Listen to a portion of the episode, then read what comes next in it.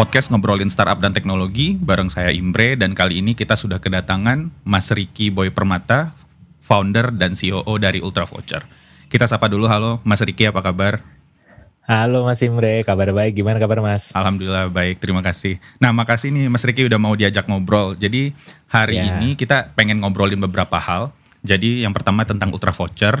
Ultra Voucher itu bisnisnya seperti apa, produknya apa, dan kemudian teknologinya seperti apa dan nanti uh, mudah-mudahan terakhir kita bisa diskusi tentang rencana IPO dari Ultra Voucher. Jadi kan boleh, boleh. Uh, teman-teman di sini nih yang biasa dengar, biasanya kan ngedengarnya tentang teknologi, kemudian tentang produk, tapi kebetulan belum ada nih yang pernah bahas tentang IPO. Nah kalau menurut aku sih ini kesempatan yang bagus banget ya karena kita bisa belajar nanti dari Ultra Voucher tentang proses IPO dan kemudian setelah dan sebelum IPO itu seperti apa dan segala macam. Kira-kira kayak gitu. Nah, kalau boleh yeah. sebelum kita mulai, boleh perkenalkan diri sedikit nggak Mas Riki? Boleh. Uh, ha halo Mas Imre dan juga teman-teman. Nama nama saya Riki Boy Permata. Uh, aku co-founder sekaligus COO dari Ultra Voucher. Uh, aku sama partner aku di sini ada Pak Hadi juga kita udah build Ultra Voucher udah dari tahun sebenarnya awalnya itu dari tahun sekitar 2014-2015. Nah, awalnya hanya sekedar untuk sampingan, lalu uh, mulai kita lihat ada good opportunity untuk coba masuk menjadi lebih diseriuskan. Okay. Makanya kita mulai lebih diseriusin di tahun 2017-an lah, 2016-2017-an. Nah, di situlah baru bareng-bareng kita jalanin Ultra Voucher. Oke, okay. nah boleh cerita nggak Mas Riki, sebenarnya Ultra Voucher ini bergerak di bidang apa sih? Dan kalau aku lihat kan ada di websitenya ada tagline ya, One Voucher for mm -hmm. All.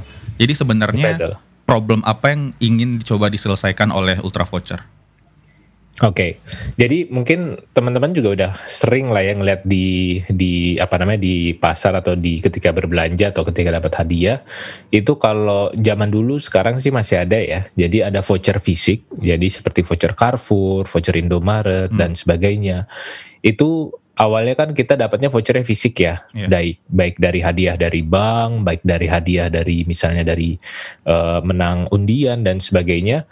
Nah itu uh, kita ngelihat cukup menarik dan orang senang untuk dapatin voucher. Okay. Nah, ketika itu jalan dari tahun 2014, kita lihat nih ultra voucher, oke okay, fisik sudah ada, tetapi kita ngobrol sama customer. Ketika kita ngobrol, dapatlah ini beberapa pain point mereka kan. Oh, kalau fisik susah dibawa, terus nanti ada vo kalau voucher kan ada expirednya ya. Yeah. Nah, expirednya susah dilihat gitu kan. Nah, ini yang akhirnya kita comes up dengan ide, hey, bagaimana kalau kita membuat ini menjadi lebih mudah, lebih simplify dan membantu customer agar mereka dapat bawa itu ke mana pun tanpa bawa voucher se uh, segeprok-geprok gitu ya, cukup banyak. Hmm. dan juga kalau mau expire kita bantu remind. Akhirnya keluarlah oh, sebuah ideas we creating a digital voucher dalam bentuk ultra voucher. Dan di dalam satu platform kita itu adalah di mana nanti orang kebayangnya ultra voucher secara brand di mana orang bisa mencari berbagai macam voucher ada di kita Nah itulah kenapa kita comes up, kita adalah ultra voucher, one platform, one voucher for all. Oke, jadi kalau seandainya kita mau belanja ke merchant walaupun merchantnya beda, kita nggak perlu nyimpan uh, voucher-voucher yang berbeda juga ya? Betul. Jadi kita kan memang ada dua jenis voucher ya. Vouchernya merchant kayak vouchernya Carrefour ada, voucher Indomaret ada. Okay. Tapi kalau misalnya kita punya sebuah produk, uh, anggaplah nih saya kasih hadiah buat saudara yang mau merit gitu ya. Biasanya hmm. dulu kan dikasih ya kalau nggak voucher MAP, voucher Sogo gitu. Iya, iya, iya. Tapi yang mau merit ternyata mikir, wah orangnya tuh nggak prefer untuk belanja shopping gitu dia lebih senang kalau ternyata dipakai buat uh, belanja sepatu misalnya. Hmm. nah, kalau dikasih sogo mungkin masih ada tapi kalau dipakai buat belanja aduh uh, belanja bulanan nggak bisa juga gitu. Nah makanya kita comes up dengan ide kita keluarin sebuah voucher ultra voucher juga. Itu adalah signature produk kita. Yang kalau kita kasih voucher ultra voucher dia bisa milih nih oh saya kasih voucher 500 ribu buat teman saya, 200 ribu buat belanja Carrefour, 300 ribu misalnya buat belanja di uh, H&M misalnya, itu bisa. Hmm, nah ini yang membuat orang uh, jadi lebih banyak pilihan kan, rather than kita kasih 500 ribu Carrefour, dia nggak bisa pakai belanja di tempat yang lain gitu. Nah, sekarang kita berikan pilihan juga ke mereka. Kalau aku lihat di websitenya kan ada Ultra Voucher Gift Card, itu yang barusan uh, Mas Ricky mention itu apakah UV Gift Card ini atau bukan? Betul. Jadi UV gift card ini memang voucher yang tadi kita bilang kita bikin uh, untuk ngejawab beberapa beberapa hal yang biasanya kalau dikasih Carrefour ternyata yang nerima nggak suka Carrefour, uh, mungkin mau pakai Carrefour sisa dikit tapi nggak mau Carrefour semua. Okay. Nah inilah makanya kita keluarin Ultra Voucher gift card. Oke, okay. jadi itu proses uh, user uh, journey-nya kayak gimana Mas Riki untuk ngedapetin itu apakah dia bisa beli dari Ultra Voucher atau atau ada tempat pembeliannya? Kemudian cara penggunaannya seperti apa? Apakah dia harus pakai iya. mobile yeah. app atau apa gitu? Betul. Jadi memang uh, ketika dapat Ultra Voucher gift card, jadi Ultra Voucher gift card ini misalnya saya kasih ke saudara saya gitu. Nah, hmm. dia nanti akan perlu download aplikasi dulu. Jadi setelah download aplikasi, dia akan meng-scan uh, eh, QR code yang ada di dalam uh, kartu tersebut lah. Nah jadi nanti setelah difoto uh, eh, UV gift cardnya dia masuk ke aplikasi untuk milih.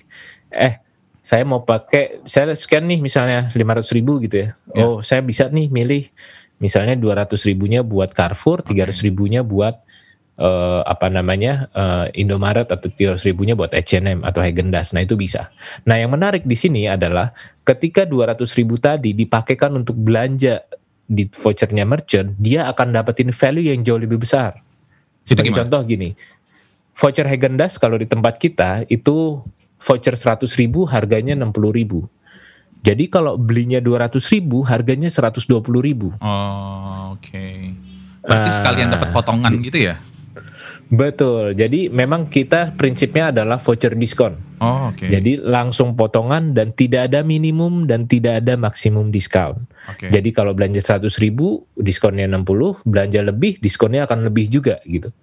Dan ketika tadi saya dapat UV gift card, saya langsung tukar ke Hagen Dazs 200 ribunya, itu sama aja kan saya bisa mendapatkan Hagen Dazsnya seharga 400 ribu rupiah yeah, gitu, yeah, yeah, yeah, vouchernya.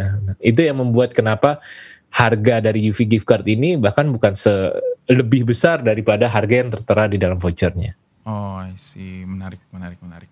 Nah, uh, kalau boleh tahu nih Mas Riki, itu kan sebenarnya kalau kita ngomongin voucher ya, itu kan uh, ada hubungan yang kuat banget dengan merchant karena kita jualin voucher untuk dipakai di merchant-merchant tertentu. Nah, dengan cara seperti itu sebenarnya bisnisnya gimana sih? Gimana Ultra Voucher ini bisa mendapatkan keuntungan dari uh, proses bisnis yang seperti itu? Ya, jadi memang uh, kembali lagi kita basically kita juga menjadi partner ya. Jadi okay. Ultra Voucher ini bisa dibilang ada teknologi enabler yang memang kita fokusnya di voucher atau gift card bisnis atau modal gitu. Okay. Jadi Ultra Voucher ini kita punya tiga main factor yaitu pertama voucher uh, generation atau voucher issuance, okay. yang kedua adalah voucher distribution, yang ketiga adalah voucher redemption. Hmm. Nah, tiga pilar inilah yang dimiliki oleh Ultra Voucher secara uh, uh, uh, uh, teknologi dan ini yang kita berikan kepada partner ketika kerjasama dengan kita, we give the uh, technology and we give the value for them as well. Dan ketika ditanya uh, apa sih manfaatnya buat uh, ultra voucher atau uh, bagaimana kita juga mendapatkan revenue? Revenue model kita adalah dari segala macam transaksi tersebut, mm-hmm. uh, margin dan sebagainya itu menjadi fully uh, apa namanya full menjadi revenue dari ultra voucher sendiri. Jadi kita ngambil dari margin yang kita dapatkan dari menjual voucher tersebut. Oke okay, Okay. Karena saat saat ini ketika kerjasama dengan ultra voucher Misalnya ada contohnya voucher Hagendas gitu ya hmm. tadi ya. Hagendas ketika kerja sama dengan Ultra Voucher langsung live di aplikasi kita, langsung live di e-commerce Tokopedia, live di uh, Shopee, live di Blibli, live di Lazada, live di Bukalapak dan juga live di platform-platform uh, yang kerjasama dengan kita, misalnya apa? Platform loyalty. Okay. Mungkin kita sering ketemu ya ada loyalty aplikasi atau loyalty uh, platform yang dipakai di bank-bank gitu ya. Misalnya ada yeah. Bank BNI, contohnya Bank BNI salah satu customer kita juga. Jadi kalau kita beli produk di Bank BNI gitu ya, itu ditukar ke poin, poinnya bisa ditukar ke voucher. Nah itu hmm. uh, kita yang memprovide juga dari sisi teknologi, backend dan juga inventory-nya. Oke okay, oke okay, oke. Okay. Kalau boleh tahu sebenarnya ada target khusus pasarnya nggak, Mas Riki? Kalau bisnis ultra voucher ini apakah targetnya kayak perusahaan-perusahaan yang punya pegawai di mana nanti mereka bisa distribute voucher-voucher tadi atau emang bisa sebagai uh, tempat penjualan langsung di mana orang mau beli voucher bisa langsung gitu? Benar. Jadi uh, kita tuh ada punya empat channel. Yang kan tadi kita bilang ada fokus kita di voucher issuance, yeah. voucher distribution, dan voucher redemption. Nah, bagian distribution ya, voucher distribution itu kita punya empat channel. Yang pertama adalah yang direct to retail. Itu bisa di-download di aplikasi iOS dan Android. Atau bisa juga dicari di e-commerce e-commerce seperti tadi Tokopedia, Shopee, Bukalapak, Lazada. Nah itu kita yang provide juga uh, uh, sistem back end dan juga inventory-nya. Hmm. Lalu ada juga yang B2B, jadi misalnya uh, yang kayak tadi, nasabah bank dapat hadiah dari banknya. Nah itu kita juga provide. Jadi target customernya Ultra Voucher B2B juga. Hmm, nah, lalu yang terakhir yang keempat, channel keempat itu adalah reseller. Jadi kita juga open untuk partnership dengan berbagai macam company, berbagai macam bisnis model, ada yang MLM, ada juga perusahaan PPOB yang dulu jual yang uh, core-nya jualan pulsa sekarang PPOB company juga bisa menjual voucher. PPOB nah, ini apa nih Mas? Kalau ada yang belum tahu.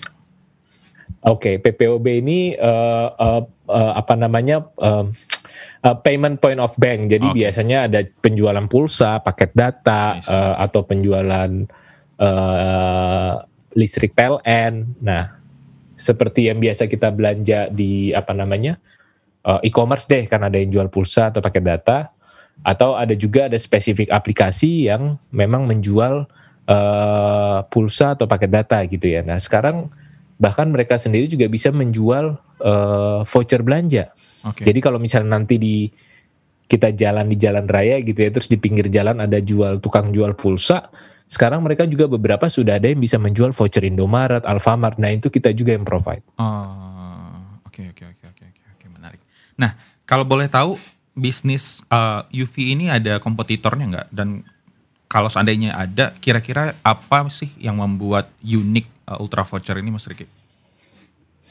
Ya, jadi kalau dari sisi kompetisi uh, ada lah ya, okay. cuman memang uh, ketika dibilang head to head sekali, uh, mungkin uh, perlu didetailkan lebih dalam dari sisi researchnya, okay. karena kalau yang dilihat dari head to head sekali dengan uh, kalau ultra voucher kan memang tadi kita bilang ya kita dari bisnis model sendiri kita ada voucher issuance, hmm. distribution dan redemption dan di distributionnya pun ada empat channel gitu ya. Mm-hmm.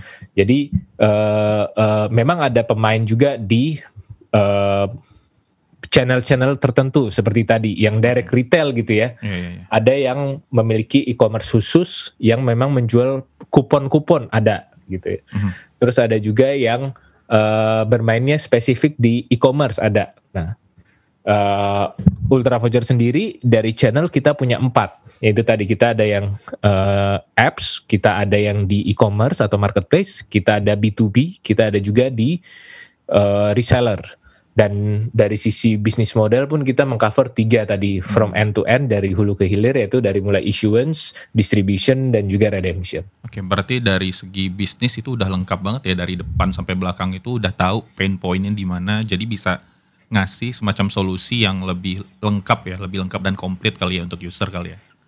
Betul, betul. Oke, oke, oke, oke. Nah, tadi kan kita ngomongin uh, UV ini ada teknologinya juga.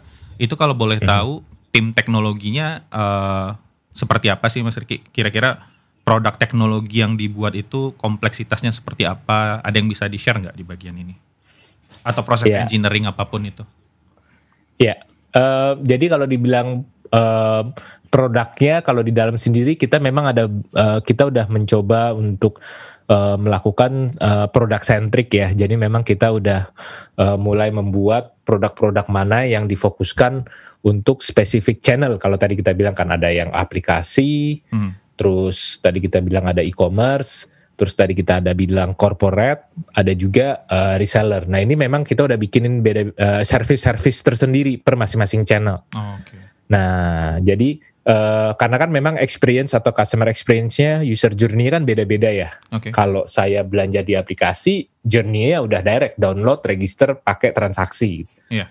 Tapi kalau saya belinya di e-commerce kan journey-nya di masing-masing e-commerce dong. Saya hmm. masuk ke aplikasi Shopee, saya pilih di home-nya Shopee kan ada deals di sekitarmu tuh. Yeah, nah, yeah, saya yeah. masuk ke deals sekitarmu, terus saya pilih voucher Gendas. Nah, barulah journey-nya masuknya ketika melakukan transaction di situ. Nah, beda lagi nanti kalau modelnya untuk reseller. Okay. Nah kalau corporate bahkan kita berikan corporate portal. Oh, Jadi okay. customer itu kayak perusahaan uh, semen, perusahaan ban atau bank yang mereka nggak memiliki aplikasi khusus kayak loyalty, dia mau kirim langsung sebagai bentuk insentif ke customer nasabah, kita berikan portal self service. Hmm, dia nanti tinggal upload Excel, terus nanti langsung di blast ke target uh, customernya mereka atau nasabah atau employee mereka. Langsung tanpa perlu aplikasi, tanpa perlu development untuk connect ke application kita itu juga kita provide. Okay. Nah jadi memang uh, secara teknologi uh, uh, apa namanya? uh, overview lah ya. Uh, kita udah membuat beberapa jenis service atau produk per masing-masing channel. Oke okay, oke okay, oke okay, oke oke. Kalau boleh tahu nih Mas Riki, uh, aku penasaran dari semua channel atau dari semua hmm. tadi dari hulu ke hilir di bagian mana sih sebenarnya yang paling gede kuenya? Oh oke. Okay. Uh, kalau dibilang gede kuenya, memang um, major, saat ini memang majority di aplikasi. Jadi okay. kalau dibilang dari total kue empat channel yeah. uh, sekitar 30 persenan itu dari aplikasi terus another uh, apa namanya 20% juga dari e-commerce ya kan okay. terus sisanya dari uh, apa namanya dari B2B juga 20 mungkin 27% baru sisanya reseller. Oh, iya, iya, iya. Gede juga ya berarti ya. Karena ini Baik. ya, karena jumlah penggunanya gede juga ya berarti kan pengguna aplikasi mobile app Benar. Indo itu kan gede banget. Nah tapi kan ngomong-ngomong kalau seandainya tadi penggunanya adalah uh, user uh, dari aplikasi, tapi kan sekarang kalau kita ngelihat kondisi setahun ke belakang kan kita kena pandemi ya, kena pandemi Betul. kemudian orang-orang jadi jarang ke mall, orang-orang mungkin jadi jarang belanja ke merchant dan segala macam. Nah hal-hal kayak gini nih punya pengaruh nggak sih Mas Riki ke Ultra Voucher dan produknya kalau seandainya ada itu kira-kira mitigasi atau apa sih yang dilakukan oleh Ultra Voucher untuk menghadapi situasi kayak sekarang?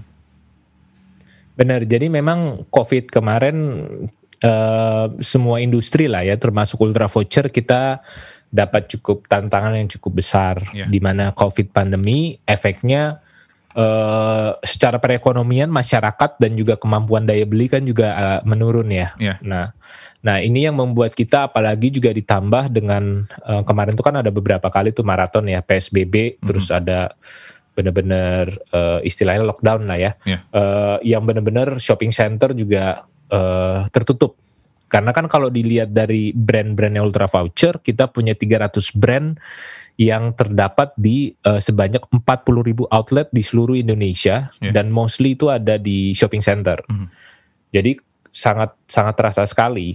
Nah, tapi dari sisi kita juga kita tetap konsisten untuk tetap berpartnership dan dari kebetulan kan memang kita dari mulai dari tahun 2019-an partner atau merchant yang kita acquire bukan hanya merchant-merchant offline. Okay. Jadi strategi O2O kita from online to offline, sekarang kita juga ada O2O-nya from online to online. Oh, Oke. Okay. Jadi kita ada merchant-merchant seperti sayur box. Nah, hmm. merchant-merchant seperti ini yang mengalami peningkatan yang cukup signifikan juga pada saat pandemi. Karena kan uh, lifestyle people kan juga kan sekarang di normalnya orang belanjanya udah udah lewat aplikasi ya. Yeah uh, yang tadi ya ke pasar sekarang uh, masuknya ke sayur box misalnya. Yeah. Terus yang mau ke dokter lebih baik pakai Halodoc. Kita ada voucher Halodoc juga. Okay. Nah, kita ada voucher Tokopedia. Bahkan kita ada voucher GoFood sama GrabFood. Yang okay. orang sebelum belanja GrabFood misalnya, dia belanja dulu vouchernya dengan diskon, baru dipakai hmm. di dalam GrabFood-nya dan dia dapetin value diskonnya di situ.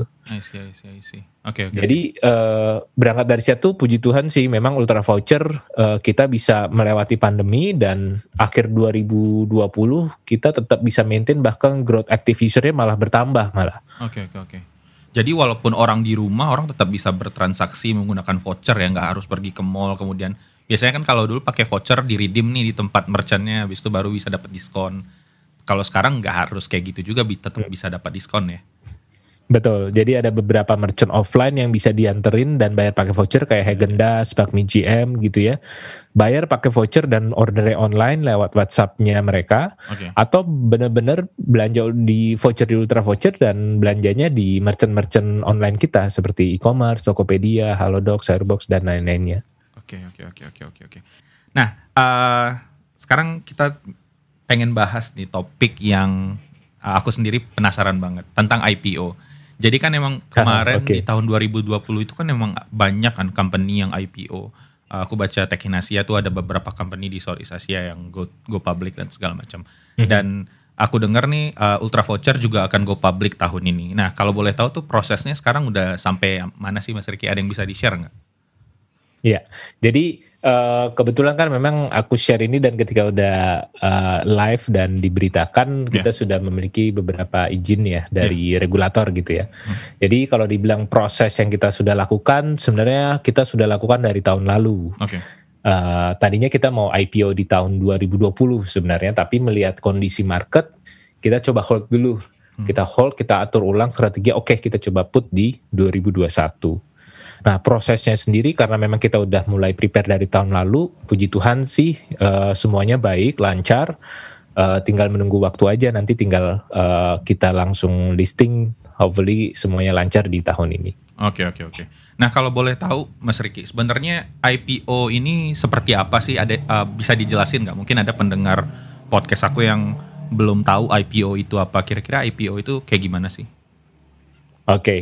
jadi memang IPO ini kan initial public offering, yaitu sebuah proses di mana sebuah perusahaan tertutup atau perusahaan terbatas PT untuk membuka ke publik untuk bisa berperan serta masuk sebagai pemegang saham atau pemegang uh, uh, kepentingan di sebuah perusahaan tersebut. Okay. Nah, uh, positifnya apa bagi perusahaan? Bagi kita, misalnya Ultra Voucher kita IPO, memang ada beberapa benefit yang kita bisa dapatkan. Yang pertama adalah uh, public exposure ya. Jadi artinya masyarakat semakin lebih banyak lagi yang mengenal tentang ultra voucher. Lalu yang kedua adalah confidence level.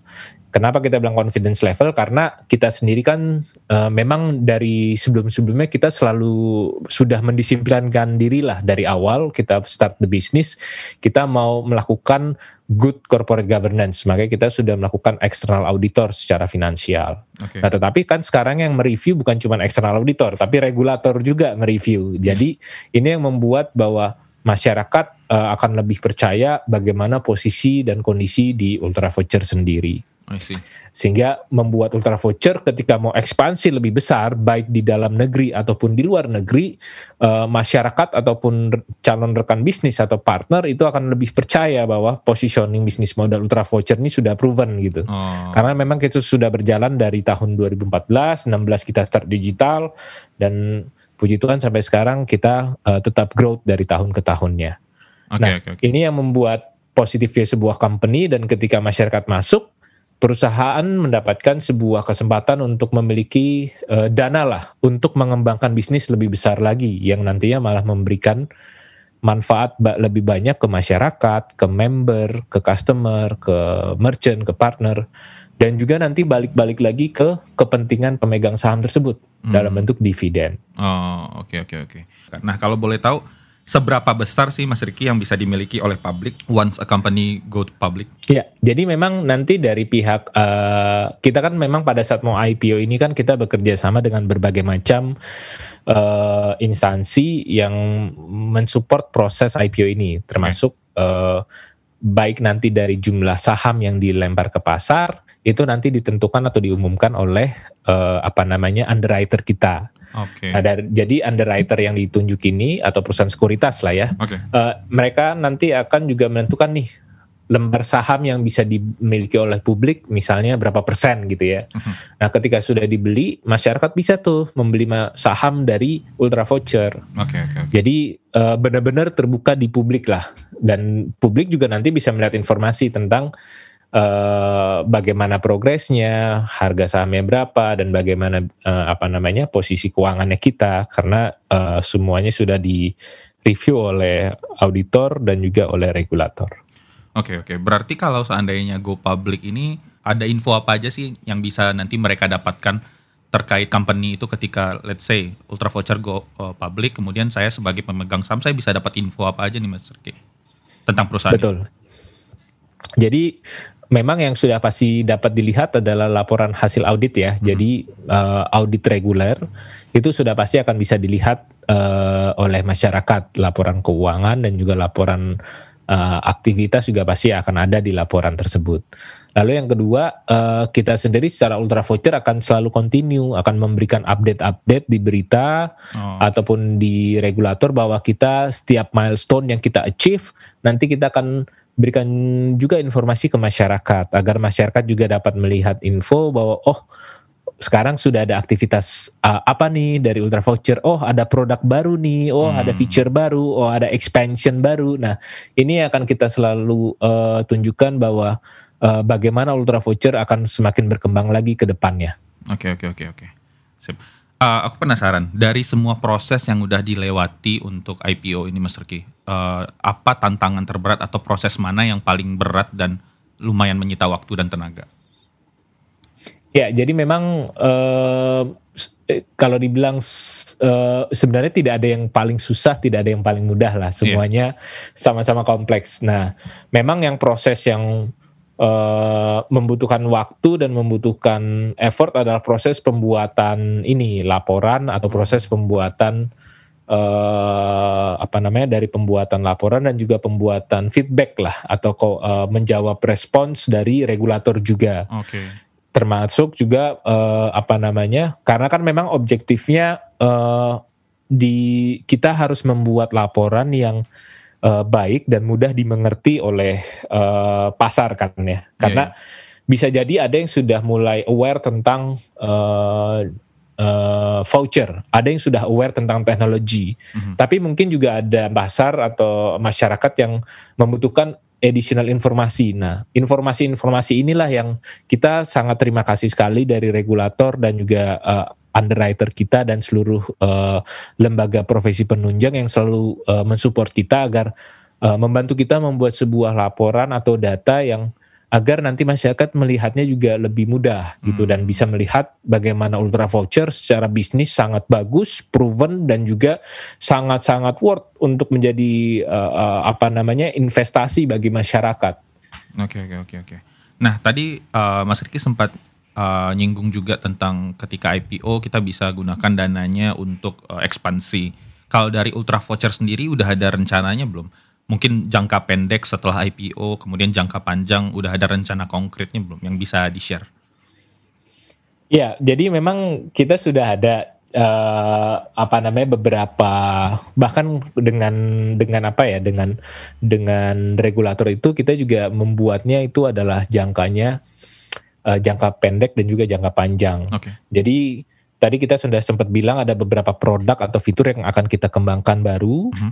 Terus kita juga akan ada kerjasama, bahkan bisnis expansion juga kita akan lakukan baik di dalam negeri atau di luar negeri. Oke. Okay.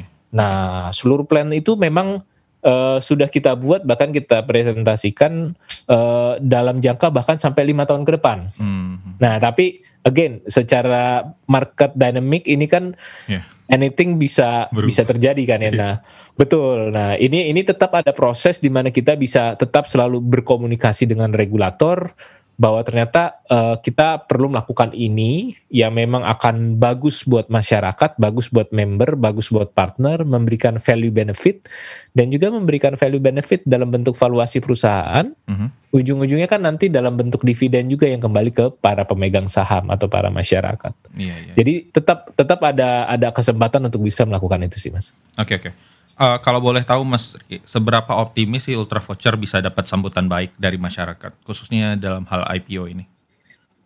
Ya, kalau dari Ultra Voucher sendiri kami sangat optimis. Okay. Kenapa? Karena pertama dari sisi uh, pasar sendiri kan sudah mulai banyak dan atau sudah mulai aware ya terhadap uh, manfaat teknologi dalam kehidupan sehari-hari. Mm -hmm uh, ya kita sama-sama tahu lah sekarang kan mau mau berangkat kerja aja udah buka handphone gitu kan ya. Mau pesan makan udah buka handphone gitu.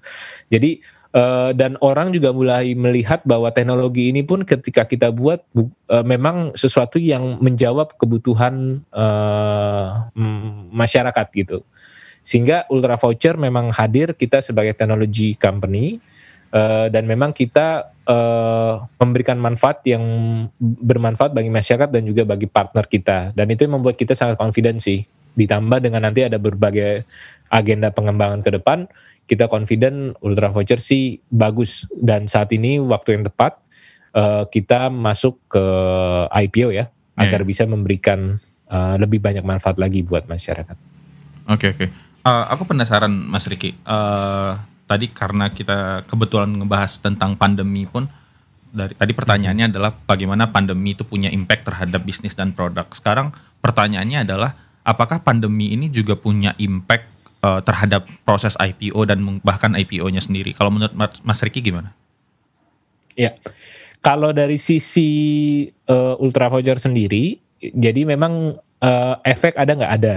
Uh, jadi memang tadi kita sempat share bahwa kita awalnya itu planningnya sebenarnya IPO di 2020, hmm. tapi karena kita ngelihat uh, progres pasar, bagaimana di pasar saham itu uh, transaksi yang banyak terjadi itu di sektor mana, terus bagaimana okay. sektor teknologi itu di pada saat pandemi dan kita ngelihat juga uh, daya beli masyarakat dan sebagainya uh, itu pengaruh banget memang uh, ada pengaruh terhadap COVID lah ya dari sudut pandang ultra voucher ya dari sudut yeah. pandang kami ya. Nah jadi memang kita mencoba untuk memilih waktu yang tepat Uh, dan puji Tuhan ya proses yang dari tahun lalu sampai sekarang kita jalani uh, semuanya berjalan lancar sih. Jadi hopefully yang uh, tahun ini 2021 walaupun kita tahu COVID masih ada, tapi kan pemerintah juga sudah melakukan kayaknya ada vaksin, ada apa dan sebagainya. Jadi masyarakat sudah mulai lebih berani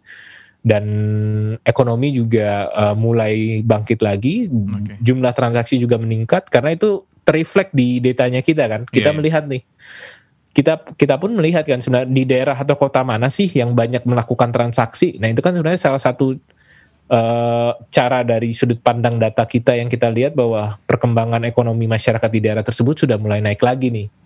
Nah itu yang kita lihat, ya, this is really a good time dan kita bisa memberikan manfaat lagi ke depannya. Nah, uh, aku nggak punya pertanyaan tentang IPO, tapi aku punya beberapa pertanyaan general yang mungkin bisa membantu teman-teman di luar sana yang lagi uh, memulai usaha atau bisnis atau bikin startup sendiri. Karena Mas Riki juga uh, co-founder dan COO, dari pengalaman Mas Riki ada ini nggak sih? Ada kayak semacam advice atau hal-hal yang bisa di-share untuk uh, mungkin orang-orang atau teman-teman yang baru memulai bisnis, kiat-kiat seperti apa yang dilakukan, apa yang perlu diperhatikan? Oke, yang pertama sih uh, udah pasti ya langsung terjun sih okay. langsung terjun tapi jangan nekat juga mm-hmm. jadi kalau boleh sharing termasuk juga ini ketika kita ultra voucher bikin produk juga ya uh, planning is important jadi nggak ada salahnya kita melakukan research kecil-kecil aja nggak usah yang gede-gede gitu jadi mau bikin fitur A misalnya oh mau bikin fitur uh, apa namanya uh, bayar pakai kartu kredit gitu banyak nggak sih orang yang pakai kartu kredit gitu ya mm semudah dengan kita coba tanya temen lima orang, eh kalau ada disuruh milih bayar pakai kartu kredit dengan harga ini masih oke okay nggak? Oke. Okay. Nah itu kan contoh market research. Nah mungkin ya do the research sedikit, nanti langsung terjun aja sih. Oke okay, oke okay, oke. Okay. Kalau boleh tahu ada ini nggak Mas Riki? Ada kesalahan yang pernah Mas Riki lakukan di masa lalu dan keinget banget sampai sekarang dan nggak pengen eh, nggak uh, pengen lagi itu keulang? Pernah, pernah banget. Jadi uh, termasuk tadi related dengan yang planning ya. Okay. Jadi uh, ketika kita tidak melakukan planning hanya karena melihat tren, tapi ternyata nggak cocok sama market kita, akhirnya malah uh, sayang gitu. Akhirnya kita pernah develop sebuah produk yang kita ngeliat, oh kayaknya banyak nih yang mulai pakai gitu ya. Okay. Terus kita develop, uh, akhirnya jadi sih, akhirnya jadi. Cuman kalau di compare dengan uh, resource, effort, waktu yang di develop gitu ya, dengan expected uh, outputnya gitu dalam hal revenue, traction dan sebagainya belum sebanding gitu. Oh. Tetap kita melakukan akhirnya ini, tetap kita melakukan segala macam uh, apa namanya hal-hal yang membuat akhirnya melakukan ini orang semakin banyak yang aware. Nah itu itu yang mungkin mungkin kalau misalnya kita melakukan research dari awal activationnya bisa lebih cepat gitu. Itu yang tadi saya bilang. Jadi yeah, yeah, yeah. Uh, kenapa tadi kita uh, aku sempat share tadi perencanaan walaupun sekedar simple itu sangat penting sih. Jadi jangan langsung terbawa tren. Oh, uh, lagi happening bikin company yang apa gitu A gitu ya. Soalnya banyak banget yang bikin yeah. gitu. Hmm.